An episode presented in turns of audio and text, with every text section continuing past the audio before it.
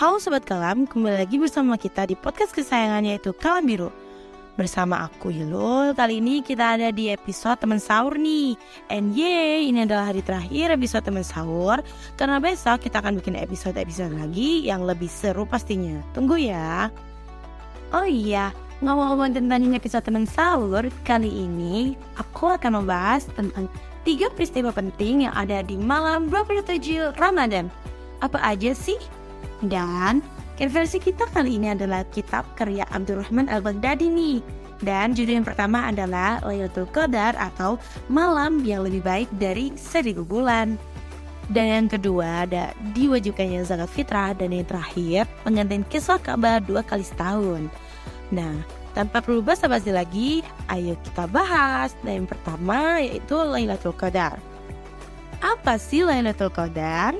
Hmm, Lailatul Qadar adalah malam paling agung di bulan Ramadan, bahkan paling agung sepanjang tahun. Wah, keren banget bukan? Dan gimana sih pendapat jumhur ulama tentang Lailatul Qadar?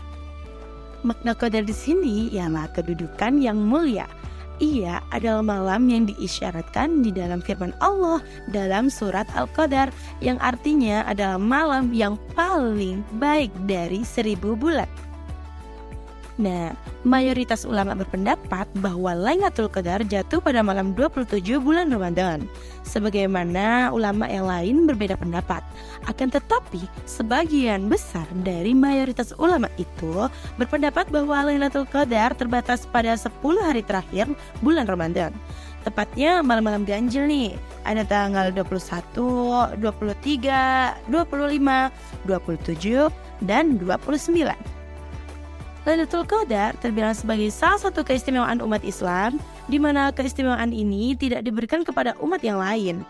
Imam Baihaqi meriwayatkan di dalam kitab As-Sunan Al-Kubroh dari Mujahid bahwasanya Rasulullah Shallallahu Alaihi Wasallam menceritakan seorang laki-laki dari Bani Israel yang menyandang senjata di jalan Allah selama seribu bulan. Kaum muslimin merasa takjub mendengar cerita tersebut. Lalu Allah menurunkan ayat Sesungguhnya kami telah menurunkannya pada malam kemuliaan.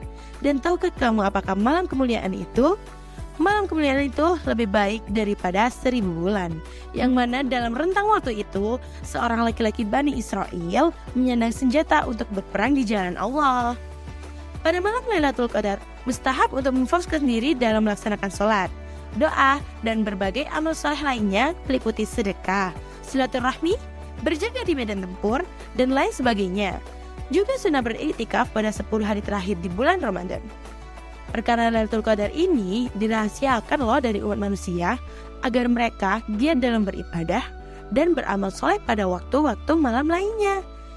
Bahwa Lailatul Qadar itu ada pada malam ke-27 itu adalah sekedar fenomena umum. Sebab jika tidak dijelaskan demikian, bisa jadi pada satu tahun Lailatul Qadar jatuh pada malam 23, lalu pada tahun yang lain jatuh pada tanggal 25, dan pada beberapa tahun kemudian jatuh pada malam 27 bulan Ramadan. Dan itu tadi adalah peristiwa Lailatul Qadar. Gimana nih Sobat Kalam? Marilah kita ke dalam kebaikan. Kemudian, peristiwa yang kedua yaitu diwajibkannya zakat fitrah. Pada tanggal 27 Ramadan tahun kedua Hijriah, zakat fitrah diwajibkan di Madinah Al-Munawwaroh. Zakat fitrah juga disebut Sodakotul Fitrah. Ada yang berpendapat bahwa kewajiban zakat fitrah turun pada tanggal 28 Ramadan.